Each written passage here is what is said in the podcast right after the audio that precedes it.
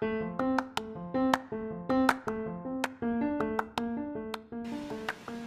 Assalamualaikum. Have a good day. Salam kenal Mak Trainer semuanya bersama saya di podcast saya ini.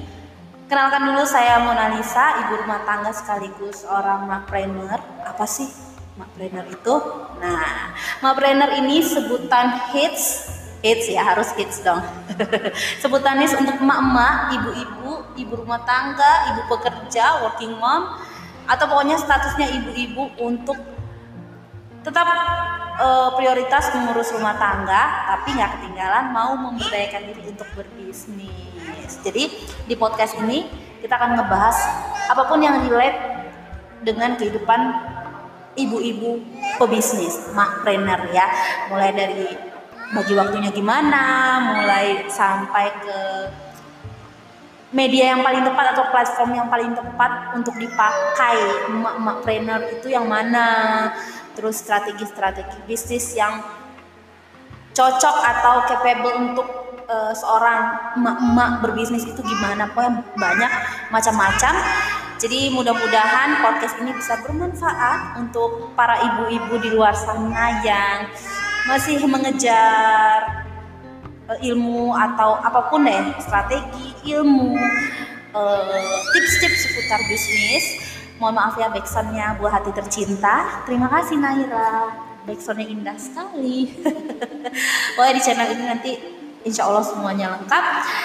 Dan juga buat mama trainer yang dengerin podcast ini mau gabung diskusi-diskusi bisnis bisa banget saya juga punya telegroup grup telegram dan juga WA grup grup WA yang isinya isinya semua woman only ibu-ibu only emak-emak only.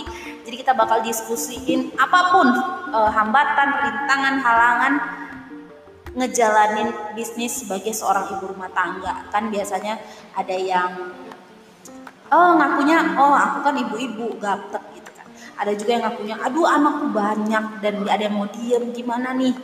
Banyaklah masalah-masalah ibu-ibu emak-emak uh, mami-mami bunda-bunda yang kita akan diskusiin. So mudah-mudahan saya harapannya podcast ini bisa bermanfaat untuk emak-emak trainer semuanya bisa menjadi inspirasi juga amin. Bisa membantu juga buat yang mungkin stuck atau aduh lagi bingung gimana ya solusi yang terbaik untuk menjalani bisnisnya tanpa tentu saja tanpa meninggalkan kewajiban utama sebagai seorang ibu yaitu mengurus rumah, mengurus anak, mengurus suami.